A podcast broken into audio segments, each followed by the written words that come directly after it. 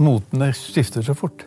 Altså Hvis man er interessert i hvordan ideer og overbevisninger dannes og vinner dominans og blir sementert uten at den nødvendigvis har noen rasjonalitet bak seg. Altså uten at det er noen gode argumenter for det. Man kan si at det er vitenskapen som står bak, men altså, eh, det er jo bare surr, ikke sant? Velkommen til Toyes time. Og I dag har jeg med meg en professor. Og ikke en hvilken som helst professor, det er Terje Tvedt. Og Sjelden har termen professor vært mer passende, for Terje Tvedt har vært professor i statsvitenskap, i samfunnsgeografi, i utviklingsstudier og i historie. Og Terje Tvedt, kan du fortelle for oss hvordan i all verden eh, fant du veien inn i akademia, og hvordan har du klart å bli professor innenfor fire ulike eh, fagfelt? Nei, det vet jeg. Det er tilfeldigheter. Ja. Altså, altså, jeg ble jo altså, Jeg bestemte meg for å bli akademiker. Ehm, jeg har jo, som du kanskje vet, en bakgrunn i det som da var ME-bevegelsen. Det er overraskende mange som har den bakgrunnen her i dette landet. Ganske mange. Ehm, og hadde da jobbet. ikke sant? Jeg hadde vært yrkesrevolusjonær til og med noen år jobbet i Sporveien, og jeg var klar over at dette kunne jeg ikke fortsette med. Selvproletariserte du deg? Ja, ja. Jeg jobbet på lager med blå lagerfrakk et helt år. Akkurat bedre, sånn som jeg jobba på Ringnes sammen med noen av de siste ML-erne, eh, som da hadde forblitt eh, proletære. Ja, ja. Ja, nei, så Det holdt jeg på med i ganske mange år. rett Og slett. Og så var jeg jo klar over at dette kunne jeg ikke fortsette med. Jeg hadde ikke egentlig noe akademisk bakgrunn, ingen i familien som jobbet på universiteter. eller noe sånt, Men eh, jeg bare var veldig interessert. Mm. Uh, og det var jeg også som Emil. Og så skrev jeg da ganske tidlig en bok om um, ME-bevegelsen. Det vet du kanskje. Som ja, ja, ja. Heter noe med En bok maoism. om maoismen i Norge kom ma ut ja, på Nota. Ja. Så jeg holdt på med sånne hva skal jeg si, intellektuelle akademiske problemstillinger også mens jeg var ML-er. Det vil i hvert fall folk som uh, jobbet med meg på den tiden, si at jeg var litt sånn jeg likte å lese. Mm. i hvert fall. Så da jeg var ferdig med MV-helsen og brøt totalt tvert, flyttet, brøt alle kontakter, brøt alt sosialt samkvem, mm. så gikk jeg inn i akademia i Bergen. Men forklar for meg. Eh, fordi det er jo slik at eh, i den tiden hvor du har, eh, har eh, arbeidet ved universitetet, så har det vært en, en tiltagende spesialisering innenfor iallfall eh, de fleste av de fagene eh, som, eh, som, du har virket innenfor. Og det er jo det jeg alltid har likt så godt med deg, er at du har hatt denne eh, gesamtvitenskapelige eh, tilnærmingen, der du, der, du, der du, fritt har brukt fra økonomi, geografi, historie og statsvitenskap, sosiologi, i dine forklaringer. Eh, var det et resultat av, eh, av, at du leste så bredt under, under ML-tiden og, og, satt og tenkte liksom litt på siden av akademia?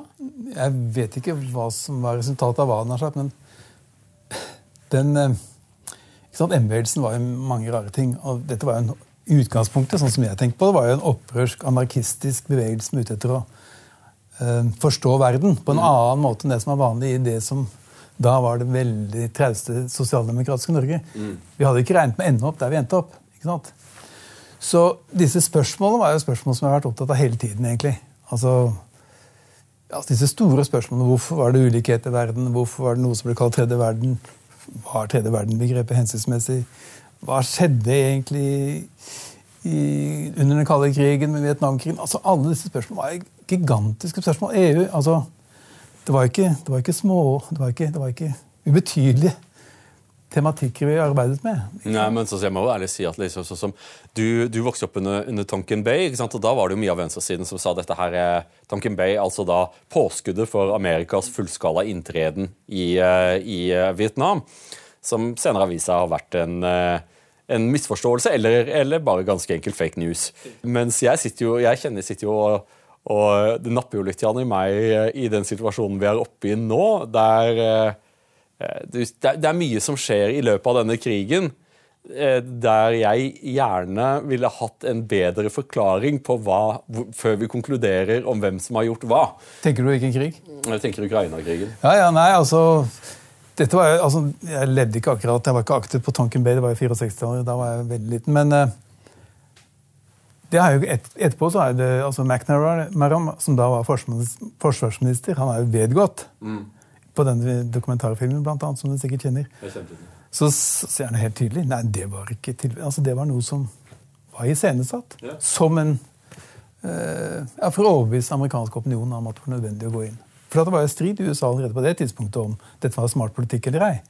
For det, det har jo vært en av de tingene som, som jeg har likt ved ditt virke som historiker, er at eh, historikerens rolle er jo ikke å holde dom over fortiden, har aldri vært det. Men å komme til bunns i hva som egentlig hendte. Ved bruk av intersubjektive kilder, og gå til arkivene og finne ut hva hendte. Og I Tanken Base fant vi ut hva som hendte. Du har skrevet en bok som eh, la oss være ærlige, har solgt utrolig bra, og som kanskje har vært med å introdusere deg for eh, De tusen hjem, eh, det internasjonale gjennombruddet. Som vel på sett og vis også kan ses på som en bok i denne tradisjonen, der du går tilbake og etterprøver trendene i norsk utenrikspolitikk, som da det, da det hendte, så var det ofte uten nevneverdig debatt. Kanskje et par kronikker og litt sånt. Men, eh, men sumtotalen av dette ble den norske utenrikspolitikk eh, i all sin prakt og all sin gru. Eh, Hvordan kom du på å skrive denne boken, og hvordan, hvordan tok du, eh, syns du at den ble tatt imot? Altså, må jeg si litt om utgangspunktet mitt. da, fordi jeg var egentlig aldri interessert i norsk utenrikspolitikk. Jeg var opptatt av europeisk kolonipolitikk. Britisk kolonipolitikk spesielt. Og da studerte jeg eh, hva jeg da etter hvert begynte å kalle det britiske Nilimperiet. Dvs. Si britenes kontroll av hele Nilhalden fra Egypt og oppover til Uganda, Kenya, Tanzania og sånt. Og da var det særlig ett område som var ganske viktig. Det var Sør-Sudan. Fordi at britene allerede i 1890-tallet det er ganske fantastisk, planla å grave en helt ny Nil så å si, gjennom sumpområdet i Sør-Sudan. Og dette måtte jeg studere. Og dette var på et tidspunkt at det var krig i Sør-Sudan. Så den eneste måten å komme dit på, det var å arbeide for bistandsorganisasjoner. Å nei, var du med Folkehjelpa? FN. Med FN, ja. Så jeg reiste jeg ned for FN og jobbet da i, i, i, i, Juba og hadde ansvar for hundretusener av flyktninger. hadde jeg sagt, akkurat utklekket historikk fra Bergen.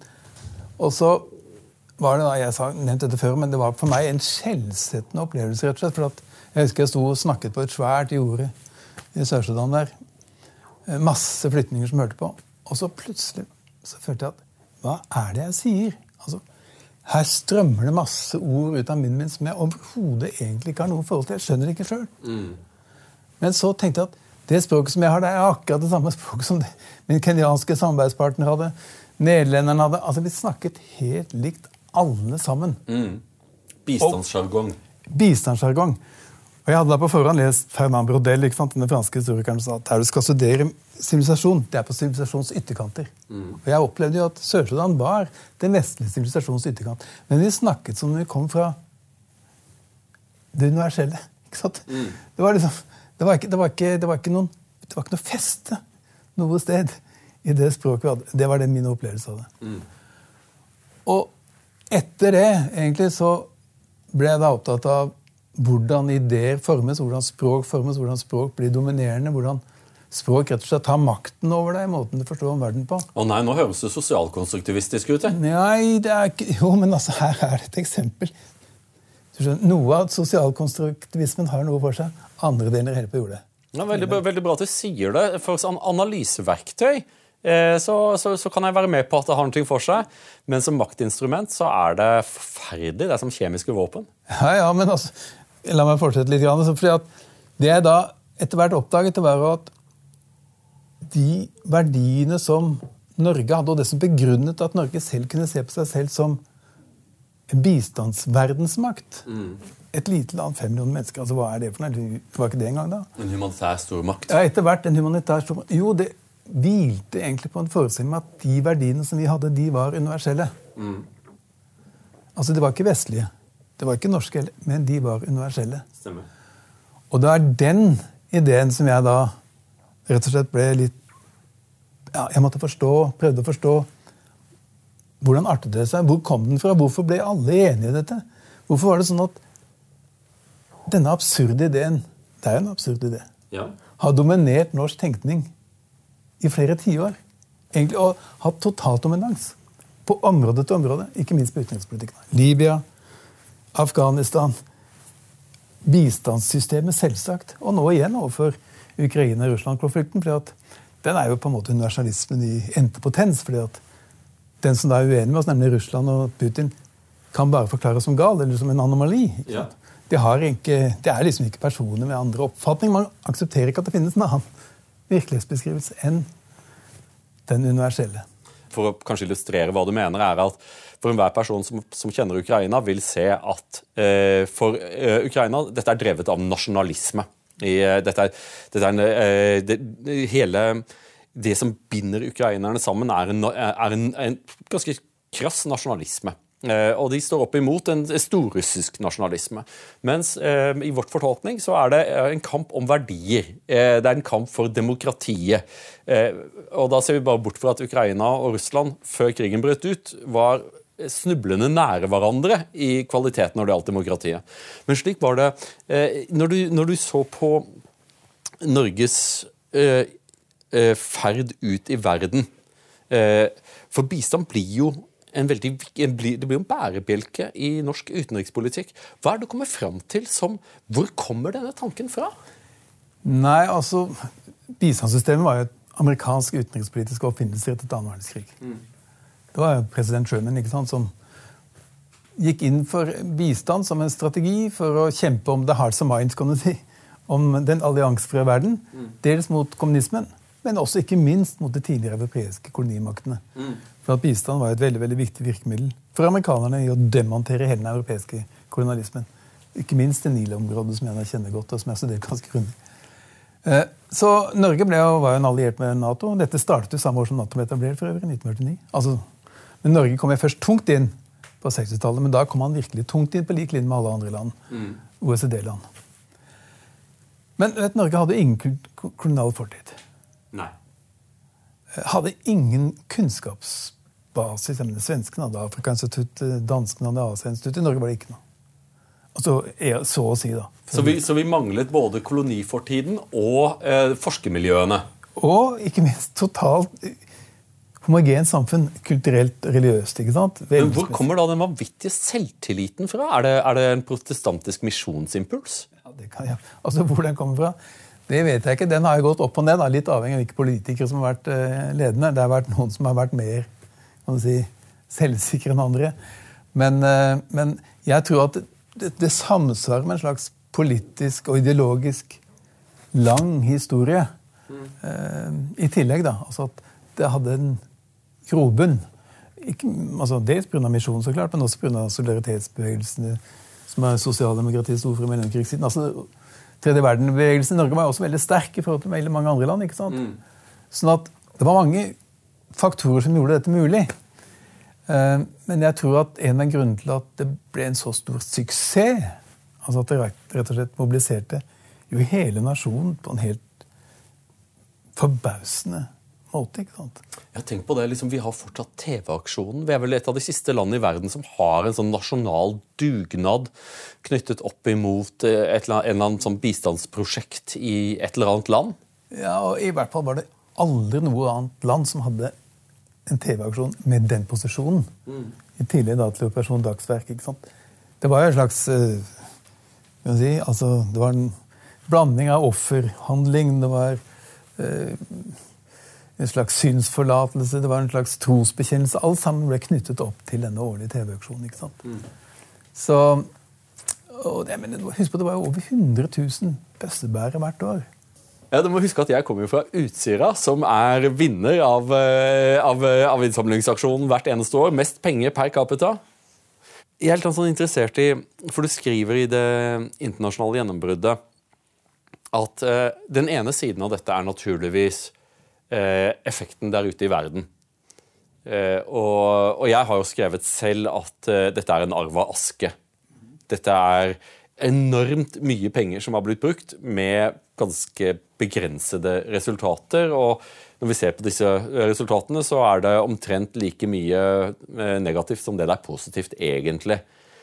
Men så du tok jo dette et steg videre og, og så på hva har det gjort med oss? Og det er jo der eh, jeg syns at denne boka virkelig skinner. For dette ble jo et, eh, en del av den norske nasjonsbyggingen, om man kan bruke, på, bruke et sånt begrep? Ja, det er forbausende få studier internasjonalt også som er blitt gjort av effekten av bistand for de ulike giverlandene. I hvert fall Da jeg holdt på med bilder av de andre, og sånn, så var det eh, ingen tilsvarende studier noe sted, etter det jeg vet. Eh, så Nei, altså Det er eh, Jeg mener jo at norsk bistand har hatt mye mer og mye større betydning i Norge enn i, i de fleste landene man har gitt bistand. Mm. Og det er også fordi at det er grunnleggende påvirket ikke bare det vi snakket om i stad, altså tenkningen, men også identitetsproduksjon, som du sa. altså det var helt bevisst fra Utenriksdepartementet og fra norske statens side da man satset på at Norge skulle bli en humanitær stormakt, at dette skulle man knytte sin nasjonale identitet til mm. i globaliseringens tidsalder. Det sa Bondevik, det sa Egeland, det sa Jagland, det sa de alle sammen. Mm. Så dette var ikke noe som bare kom seilende på en fjøl, men det var noe man bevisst prøvde å omdefinere og knytte nasjonalidentiteten til. Og med en vi selv. Og I tillegg så hadde det da i Norge at du fikk da en helt ny kan man si, institusjonell arkitektur. At det fikk mobilisert store deler av det som da tradisjonelt hadde vært ganske uavhengig, kanskje, frivillig organisasjonssamfunn. Veldig tett knyttet opp til staten. Og det fikk også store deler av Forsknings-Norge så klart på dette feltet veldig tett knyttet opp til staten. Tettere enn det det hadde på de fleste andre forskningsfelt. For akkurat Det er litt interessant. For eh, ordet NGO betyr Non-Governmental Organization. Eh, og De fleste NGO-er unngår å ta penger fra i alle fall fra sin egen stat, nettopp pga. at man ikke er en ikke-statlig organisasjon. Mens i Norge så fikk man framveksten av et enormt antall med bistandsorganisasjoner som var tilnærmet fullfinansiert av staten og inngikk i det som senere ble kjent som den norske modellen. Eh, hvor bistandsorganisasjonene ble knyttet til UD og gjort til bærere av norsk utenrikspolitikk, uten at man egentlig stilte noen spørsmålstegn ved om det var klokt for giverland eller for mottakerland. Eh, og man bare antok at, at Norge var en, en kraft var den gode her. Eh, vi var de, vi var de hvite hjelperne. Så vi trengte vel ikke å se oss selv så nøye i kortene. Ja, delvis sånn. Og delvis så var jo dette også en internasjonal idé. ikke sant? Altså da Reagan og Thatcher som sa 'big government, bad government'. Det gjaldt også bistand. Dette var på 80-tallet. Inn med hva den kalte i USA 'private organizations'. Mm. Og da husker jeg at Verdensbanken kom med noen analyser på 80-tallet 90-tallet som sa at fremveksten av NGOs det var så å si en funksjonell nødvendighet. Altså Det fylte tomrommet skapt av state failures mm. og market failures. Så kom da de frivillige organisasjonene, eller de private organisasjonene fra nowhere så å si, og fylte dette rommet. Og Det paradoksale der det er jo at det var det stikk motsatte som skjedde, fordi at organisasjonene, også i utlandet, men ikke så mye som i Norge, da, ble finansiert av staten. Mm. Det var jo også den amerikanske staten som pusha eh, private organisasjoner. Den brukte jo de private organisasjonene til forskjellige utenrikspolitiske aksjoner her og der. Amerikanerne allerede på det tidspunktet. Mm. Sånn at Organisasjoner var jo egentlig knyttet opp til staten og hele linja, men mer i Norge enn i andre land. Så klart, Pga. vår tradisjon. Men la meg da spørre deg korrumperte dette staten? For kan staten eh, liksom Jeg forstår det at staten ønsker å gi seg selv mer muskler gjennom å mobilisere store private organisasjoner som bærer ut, men det vil alltid gå begge veier. Du, du kan jo ikke ta NGO-ene inn, eh, inn, i UD, eh, i alt annet unntatt i navnet, uten at dette får en påvirkning på utenrikspolitikken. Kan det det? Nei, altså dette var jo da et problem på visse tidspunkt. ikke sant? Ja, altså Når det gjaldt f.eks. Ja, Eritrea-Etiopia-spørsmålet, ja. så var det jo sånn at det viste seg etter hvert at det var Kirkens Nødhjelp, som jo og hva jeg kalte private aktører, altså, som ble, hadde blitt diplomater, som agerte på Norges vegne. Uten egentlig at verken norske staten eller organisasjonen var helt klar over det. Men Norge var jo veldig aktiv i å, forme, eller til å, i å gjøre det mulig for Eritrea å bli selvstendig på det tidspunktet Eritrea ble selvstendig på på begynnelsen av 1990-tallet. Etter at de hadde kriget mot uh, Mengistu og regjeringen i Addis. Fordi at når Kirkens Nødhjelp ledet det største til da nødhjelpsoperasjonen som hadde vært i verden, støttet amerikanerne Norge og mange andre. Eh, men det førte da til at det skjedde en maktforskyvning på Afrikas Horn til fordel for Eritrea. Og til fordel for Tigrene, som etter hvert tok makten i Etiopia. Dette var da en utenrikspolitikk som overhodet ikke var vedtatt noe sted. Ikke UD. Ikke utenriksministeren. Norge hadde jo historisk sett etter annen verdenskrig vært en av de landene som var tydeligst mot at Eritrea skulle bli en selvstendig, autonom stat mm. Etiopia. Men dette, skjedde, dette her skjedde linjeskifte uten at egentlig noen hadde vedtatt det. Mm. På grunn av at politikken var outsourca, så å si. Men uten en plan bak outsourcingen. Det bare skjedde fordi at voksten var så stor. Ingen hadde oversikt. Budsjettene de vokste og vokste, og folk, eh, nordmenn løp rundt i Afrika og hadde enorm innflytelse på disse landenes indre anliggende uten at de egentlig representerte Norge. De var jo ikke valgt til å representere Norge og sto ikke til ansvar for, eh, for, for de de skulle presumptivt hjelpe. Og jeg må si at Det morsomste kapitlet i boka er når vi kommer til norske, en lite stykke Norge i Afrika, Sør-Sudan. For de fleste er jo ikke, eh, er jo ikke så familiære med eh, Sør-Sudans tilblivelse. Men her er en norsk organisasjon, Folkehjelpa, eh, svært viktig. Jeg har blitt anklaget eh, for å ha vært tilnærmet en krigførende part eh, i uavhengighetsstriden. Og så skriver du om da Norge sender, sender folk til, til Sør-Sudan med Gerhardsen i, i, kofferten. Fortell litt om det. Ja, altså Det er jo en lang historie, da, for Norge hadde jo ja, Jeg vet ikke hvor lang historien skal være, men Eh, dette startet egentlig med Kirkens Nødhjelp allerede tilbake i 1972. Ja. Eh, I forbindelse med den første, freds, første borgerkrigen i Sudan. Og freden der, som ble vedtatt i Addis Abeba. Men i hvert fall, Kirkens Nødhjelp kom inn, og i 74 hadde etablert det som til da var det som på det tidspunktet ble Norges største landsbygdsutviklingsprosjekt mm. innenfor bistand. Og Kirkens Nødhjelp drev da dette prosjektet i samarbeid med den sudanske staten. Altså hadde avtale med den sudanske staten. Så begynte borgerkrigen, den andre borgerkrigen å blusse opp. og I 83-84 så kom da SPLA, som var den grideorganisasjonen som kjempet mot Khartoum. Som ville, ha løs, som ville ha et nytt Sudan, ikke en løsrivelse av Sudan, men et nytt demokratisk Sudan, som du sa, et ikke-islamsk Sudan. Så kom da de og utviklet uh, sin borgerkrig og gikk til angrep på Kirkens Nødhjelpsprosjekt og la det nærmest til grus. På samme tid hadde Norsk Folkehjelp etablert sin bistandsrelasjon til, til Sør-Sudan. Men da i veldig nær kontakt med den samme organisasjonen som knuste Kirkens Nødhjelp. Mm. Begge finansiert av den norske stat. Så den norske stat hadde altså to forskjellige politikker. Én i samarbeid med staten, én diametralt mot.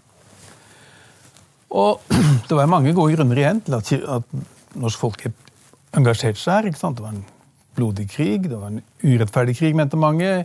SPLA hadde en sterk leder i form av John Garang, som det var lett å ha en viss respekt for, fordi han var han hadde doktorgrad fra et universitet i USA. Veldig flink til å snakke, hadde visjoner. Mm. På mange måter også ubestikkelig, for han ble tilbudt visepresidentjobben flere ganger, men sa nei. Men så ble han da drept eller døde i et helikopterkrasj.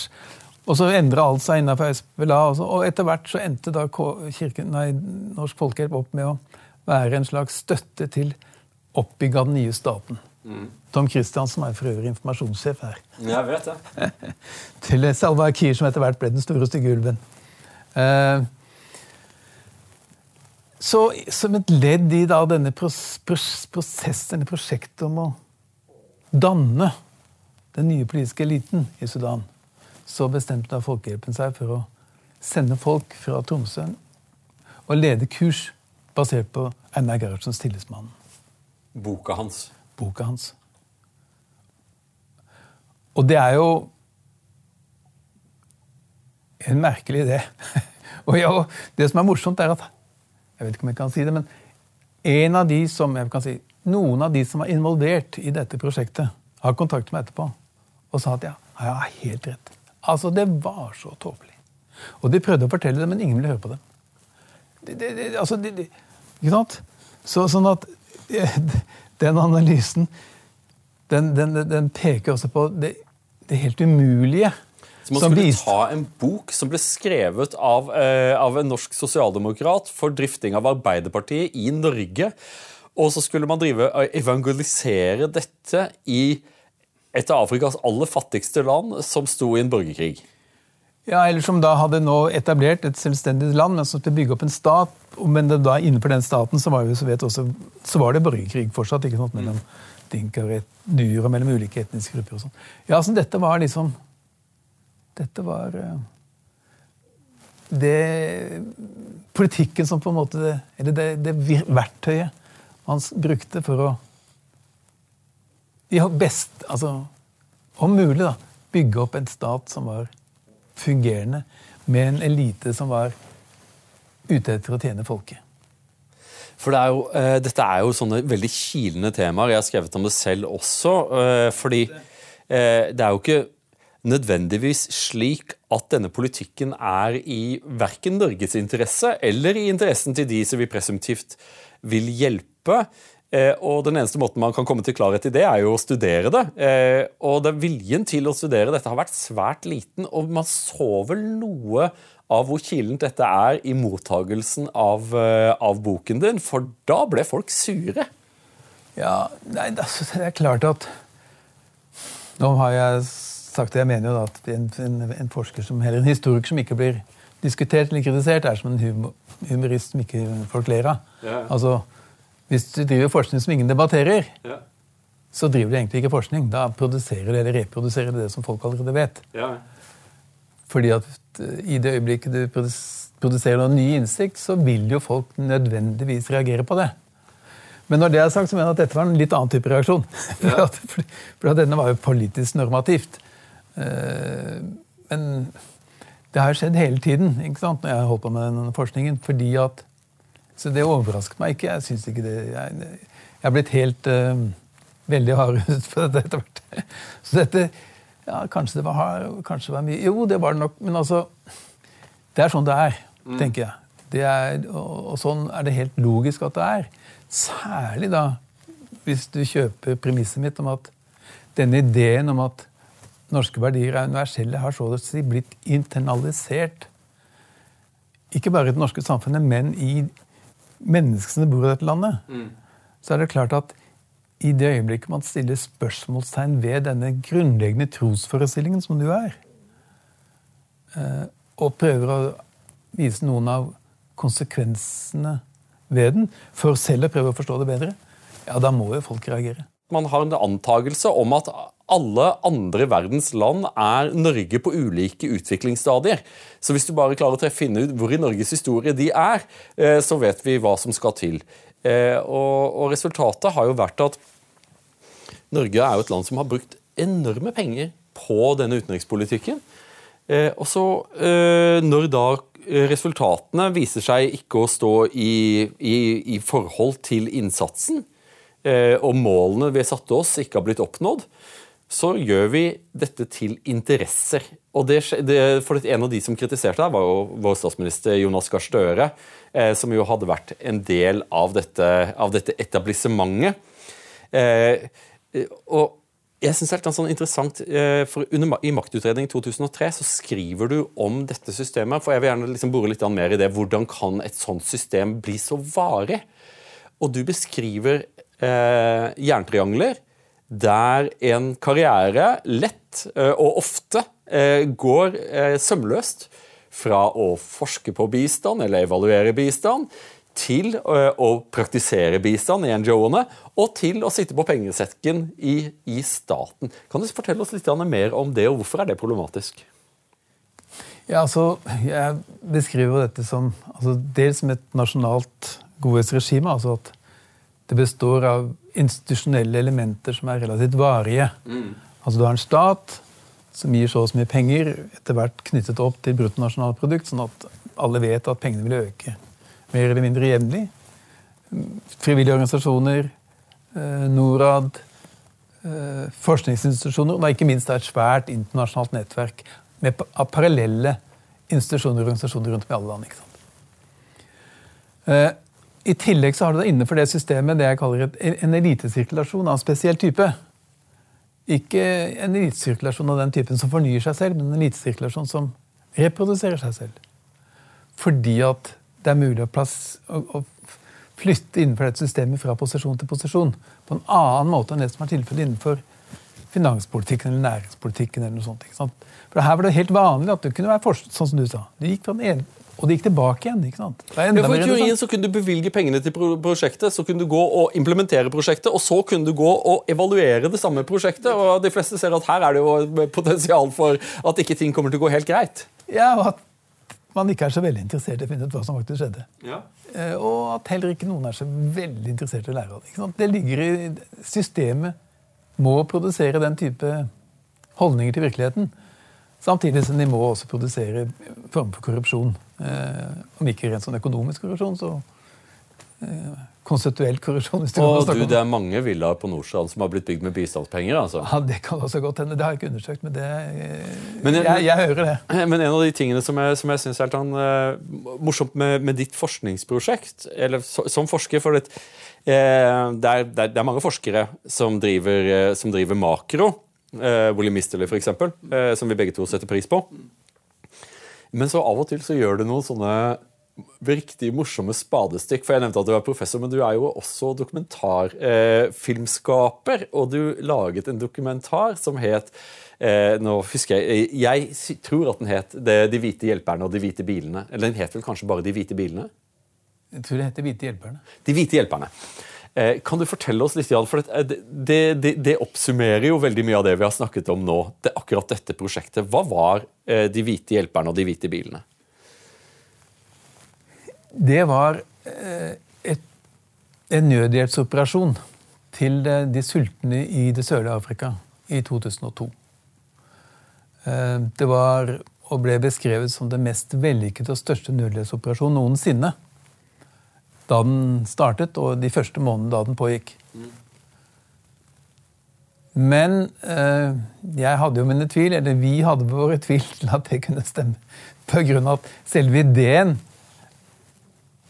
igjen fortonet seg jo helt absurd. Du tar gamle M6-lastebiler, hva heter, maler dem får folk til å male på Svære, tunge amerikanske militærlastebiler som er ekstremt tørste og vanskelig å kjøre. Jeg har jo drivet og kjørt bilene langs Jeg var jo med reisende. Kjørte bil, denne bilen mellom Kenya eller mellom Nairobi og, og, og Mombasa. Ja. Det var et helvete, for å si det mildt. Og bare det å gire, ikke sant. Altså, og det var ikke lett å kjøre de bilene. kjørte ut av veien, og så masse, masse kaos. Ikke sant? Hvor i all verden skulle du skaffe bildelene? Ikke sant? Altså, hele ideen var jo absurd. Særlig med at er det noe som finnes i det sørlige Afrika, så er det transportbyråer. Lastebiler er jo overalt. Ja, ja. så det har, så og moderne lastebiler, ikke, moderne, ikke fra 1960-tallet? Nei, helt, det, er, det, er, jo veldig, det er veldig moderne, akkurat den sektoren. Ja. Så man reiste også ned og konkurrerte med den sektoren, kan du si, med biler fra 1960-tallet. Eh, så reiser vi bl.a. ned til, til eh, Malawi, til hovedstaden der. Lilongwe? Ja, Lilongwe. Så reiste jeg inn til eh, det som da var den lokale samarbeidspartneren med Kirkens Nødhjelp. Og der sto det tre biler i Haga. Så, så, det var sånn rustne, forferdelige biler som, som sto der. ikke sant? Så intervjua vi han der som jobbet der. og sånn, This is an eyesore in the landscape. vi får ikke flytta dem altfor tunge! Hvor skal vi gjøre det med henne? Please!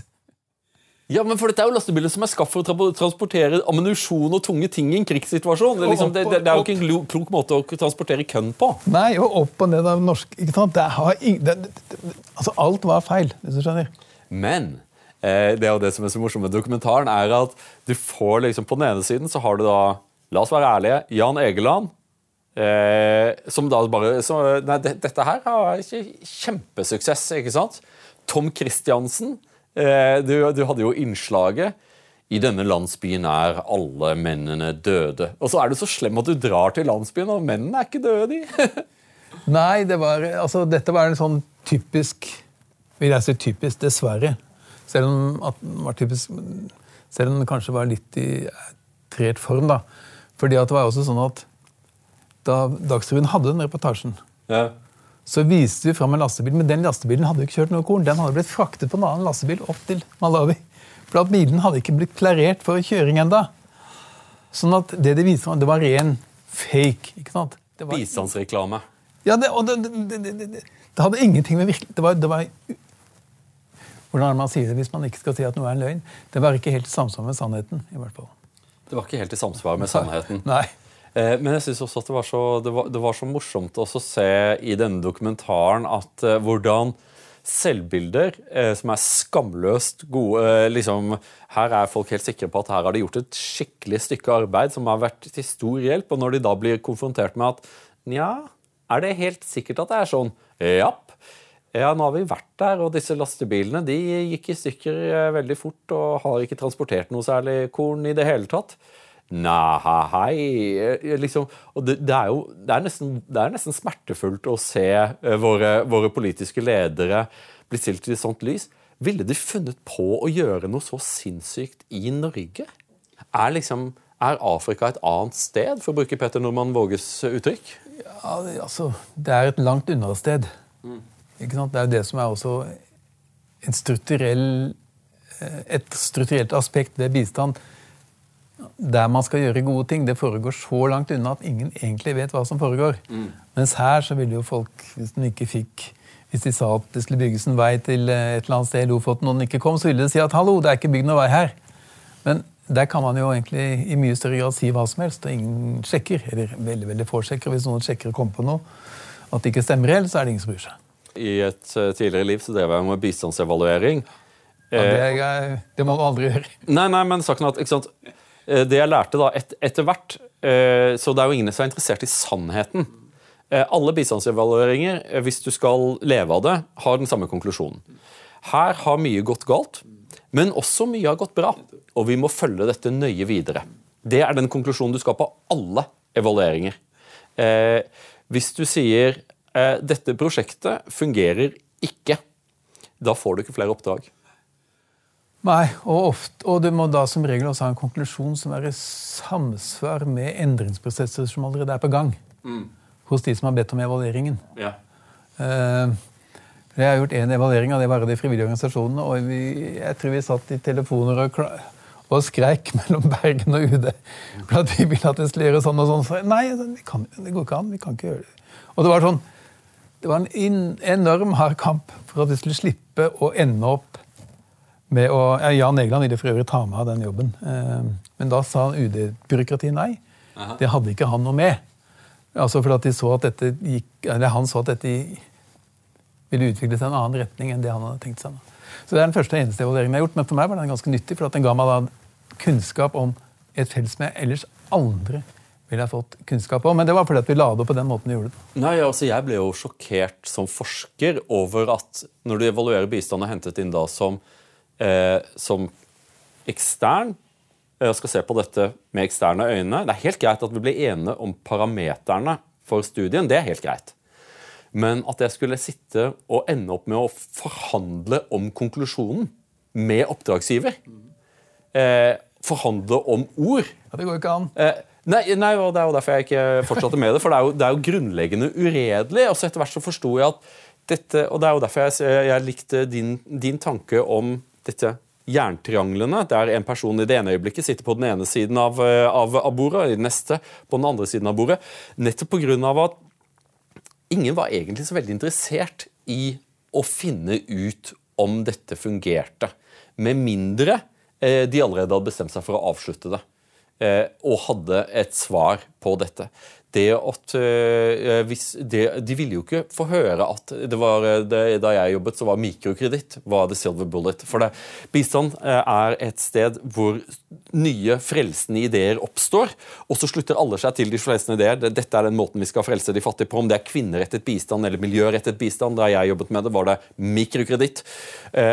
Og det var ingen som var interessert i å høre at mikrokreditt fungerer ikke på den måten dere tror. Eh, har, det, det har konsekvenser, men eh, disse konsekvensene er til dels svært problematiske for de miljøene hvor man setter inn kapital på den måten. Det var ikke noen ting man ønsket. Så, det at jeg hadde gjort 500 intervjuer og hadde gått føttene såre fra landsby til landsby og hadde forsøkt etter beste evne å gjøre dette etterprøvbart med, med, med lydopptak og fotografier eh, Så jeg sitter jo, ender jo opp med å sitte og forhandle om konklusjonene med, fra en oppdragsgiver som ikke ønsker den type svar. Eh, de visste veldig godt hva slags svar de ønsket å ha. Og svaret var her har mye gått feil. Men det er også mye som er blitt riktig, og vi må følge dette nøye videre. Ja, og det er derfor også dette feltet er ganske interessant, det du sa om at motene skifter så fort. Mm. Altså Hvis man er interessert i hvordan ideer og overbevisninger dannes og vinner dominans og blir sementert uten at den nødvendigvis har noen rasjonalitet bak seg. Altså uten at det er noen gode argumenter for det. Man kan si at det er vitenskap som står bak, men altså det er jo bare surr, ikke sant? Men, men, så bistand er veldig sånn hvis, Og det, dette er etter, etter min mening et, et, veldig stort problem i samfunnet nå, og også tidligere, men ikke minst nå, at du får sånne veldig sterke overbevisninger om alt mulig rart som egentlig ikke er ordentlig begrunnet, men som alle skal mene det samme om. Mm. Og her har bistand på en måte gått foran. For vi, har, vi, har, vi, som har vært i det, vi har sett at det ene tiåret var det det, det andre tiåret var det det, det tredje tiåret var det det, eller kanskje det ene året var det det, og det andre året var det. Mm, mm. Og av helt andre grunner enn rasjonelle. Altså, Det hadde kanskje med systembehov for fornyelse Jeg vet ikke. men altså, eh, så, jeg, så, så Derfor er bistandssystemet ganske interessant, nettopp fordi at eh, sånne tankesystemer eller sånne begrensede verdensanskuelser kan oppstå veldig fort, vinne dominans, og så rett etter være fisle ut som de aldri eksisterte. Ja, så er det også, Jeg blir bare forvirret over den enorme fleksibiliteten som finnes eh, hos mennesker som i det ene øyeblikket hevder å ha funnet ungdomskilden og, og, og løsningen på, på, på, på, utviklingsmysteriet. Og når det da viser, eh, Uten noe behov for å ta et oppgjør med eller komme til Hvordan kommer jeg til den, noen ting som, en antakelse som var så feilaktig? Det er ingen behov eller ønske om å etterprøve seg selv. Som jo er, et, er jo noen ting som er en veldig viktig del av de vestlige lands seiersoppskrift, er jo evnen til å nådeløst dissekere sine egne feil for å lære av dem. Eh, det fører oss til dette synet på forskning som, eh, som jeg syns er helt sånn interessant. Ser du på forskning som et uh, essensielt nysgjerrighetsdrevet prosjekt? Uh, for jeg mener å se at forskning har blitt mer et, et, et yrke, en 9-4-jobb, der man stempler inn og stempler ut, og så beveger man seg oppover i hierarkiet som en, som en hvilken som helst annen del av offentlig forvaltning. Hvordan ser du på disse to, eh, på disse to eh, la oss kalle det idealtyper? da? Nei, altså, Den historiske utviklingen i hvert fall på de feltene som jeg har holdt på med, er jo ganske tydelig. Mm. Eh, altså Særlig gjelder jo det utviklingsforskningsfeltet, så klart. Som jo ble etablert nærmest av staten. Og som fra starten av var veldig tungt finansiert av aktøren selv, nemlig Utenriksdepartementet slash Norad, eller FN. Eh, sånn at Innenfor det feltet så har jo hele tiden idealet om forskningens uavhengighet stått veldig veldig svakt. egentlig. Mm. Også fordi at forskerne jo har ønsket å forandre verden. Og har trodd at forskningsinnsikt liksom blir tatt hensyn til der ute i den store film. Noe det jo selvsagt ikke blir. Det er så rørende. Ja, det er veldig rørende. ikke sant? Uh, sånn at, sånn at der har hatt en hel ideologi rundt dette om at forskning og forvaltning eller forskning og politikk egentlig er to sider av samme sak. Du har den norske modellen som et eksempel. Du har alle de som har snakket om at vi må rive ned gjerdene mellom politikere og forskere på dette feltet, for at vi er jo egentlig helt like. Så eksperter i alle land hadde nær sagt forenere for den samme gode saken. Og jeg mener, Det er jo eksempler her hvor forskningsinstitutter har drevet hemmelig diplomati på UDs vegne, ikke sant? mens de samtidig har skrevet såkalt uavhengige analyser av hva UD holdt på med. Altså, ja, det er, et, det er, en så lang rekke med eksempler på hvordan forskning har opphørt å være forskning. Hvis man skal tenke på forskningen mer som klassiske forstand.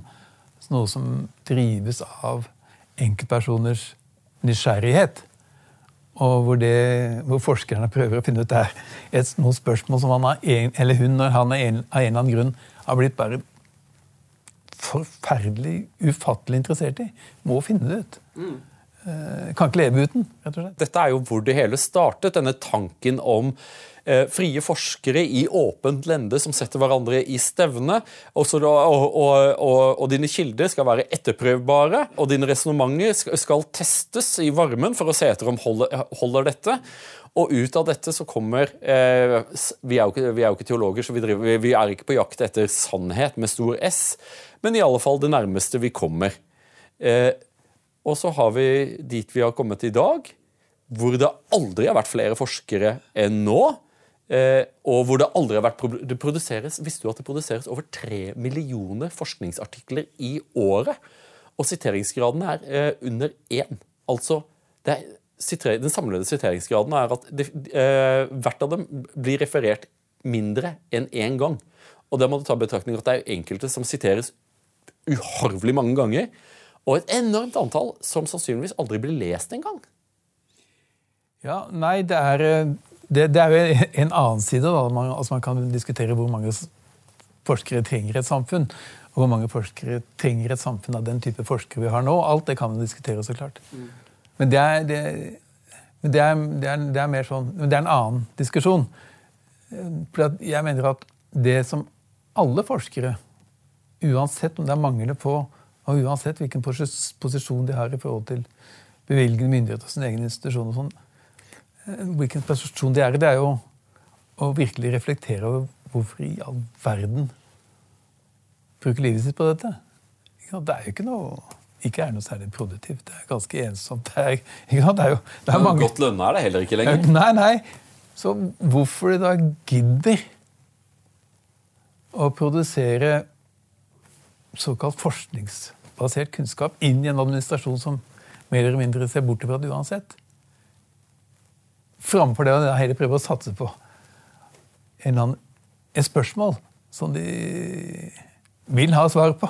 Som ingen andre kan svare på, for det er bare de som har det. på den måten.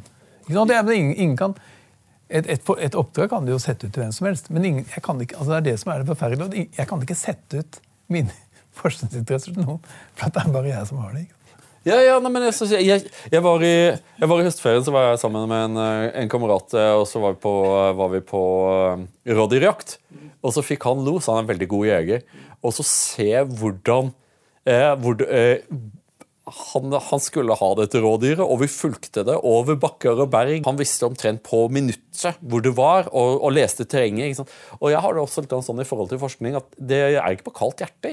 Det er det derre når du får los og du tenker at dette her vil jeg finne ut av. Dette her. Og da er det jo om eh, liksom disse her eh, høye murene vi har bygd mellom ulike eh, forskningsdisipliner, sosiologi, statsvitenskap, psykologi, eh, samfunnsgeografi, områdestudier, utviklingsstudier, irrelevant.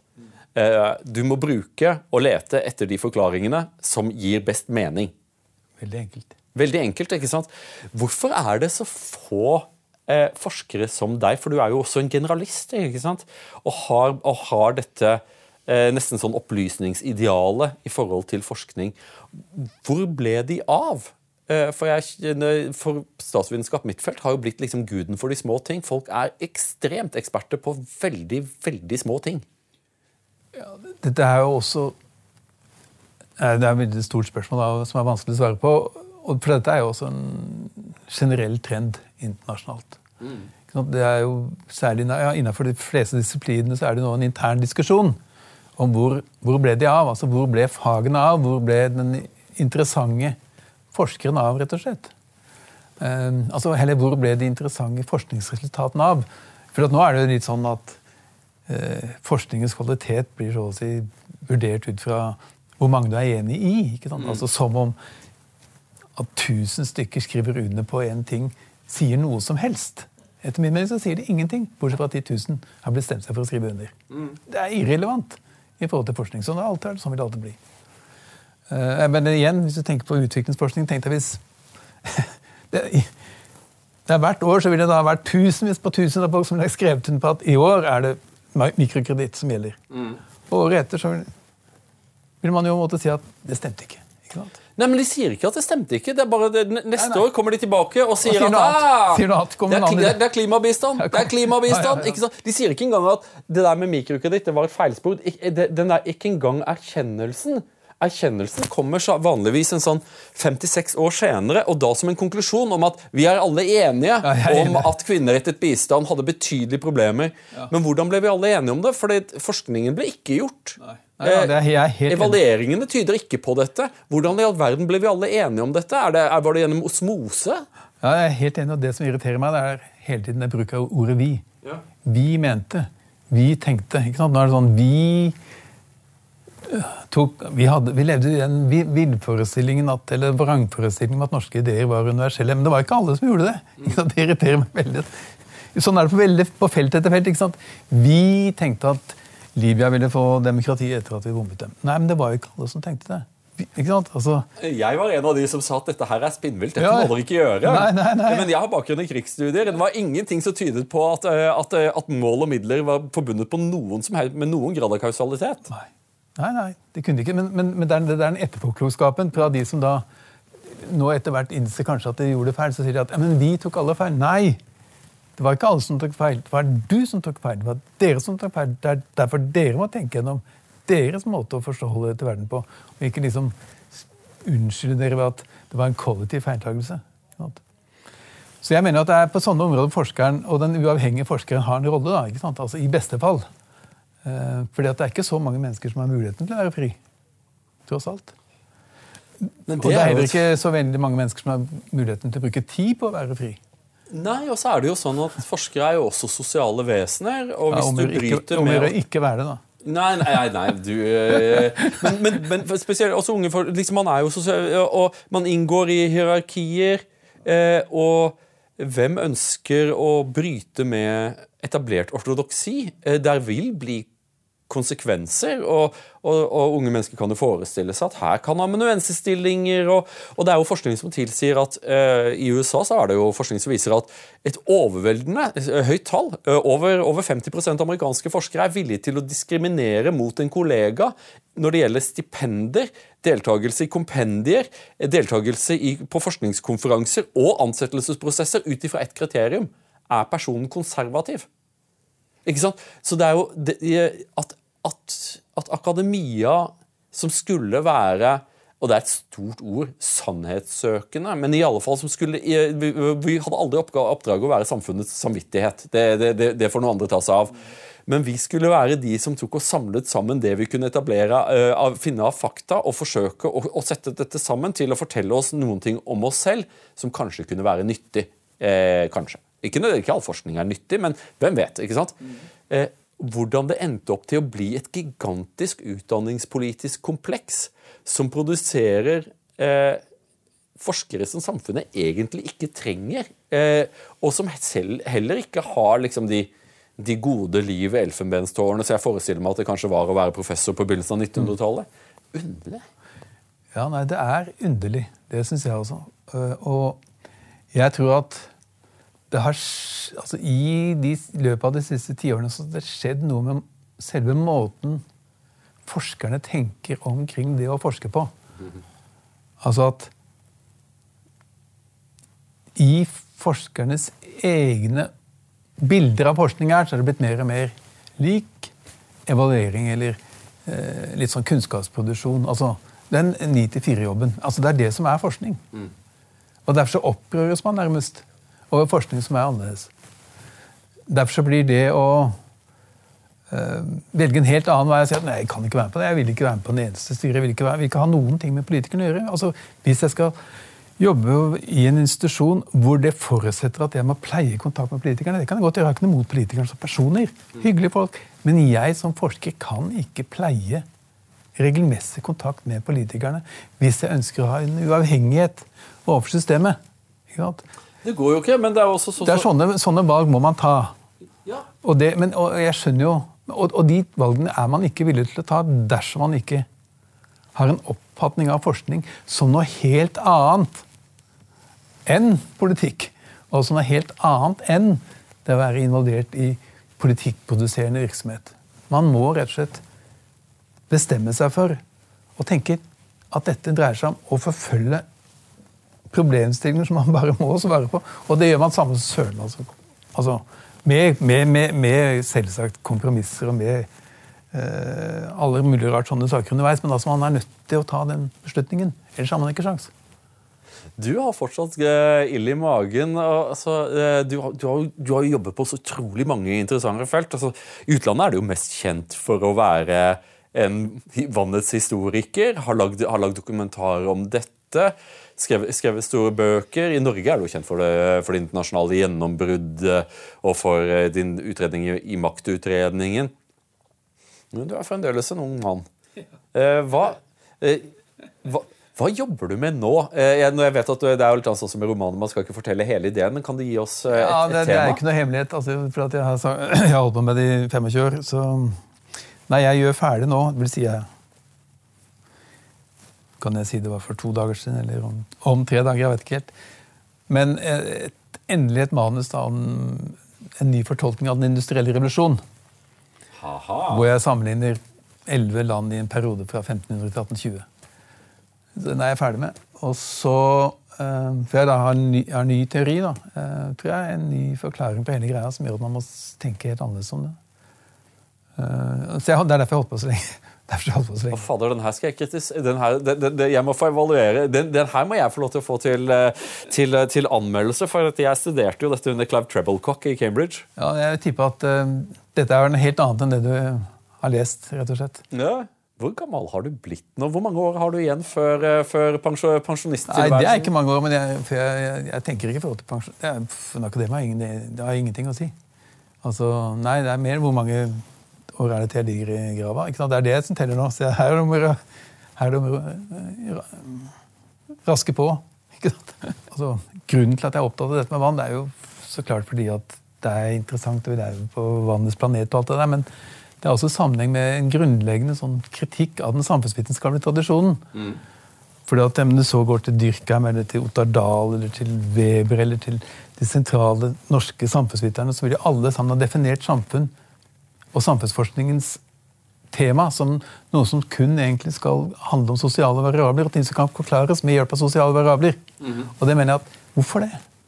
Det er jo ikke noen grunn til at man skal lage et sånt gjerde rundt sosiale variabler. Hvorfor skal man ikke tenke på natur, hvorfor skal man ikke tenke på vann? Altså, særlig vann, da, som jo både er som er det samme både i naturen og i samfunnet. ikke sant? Det er HTO, samme søren.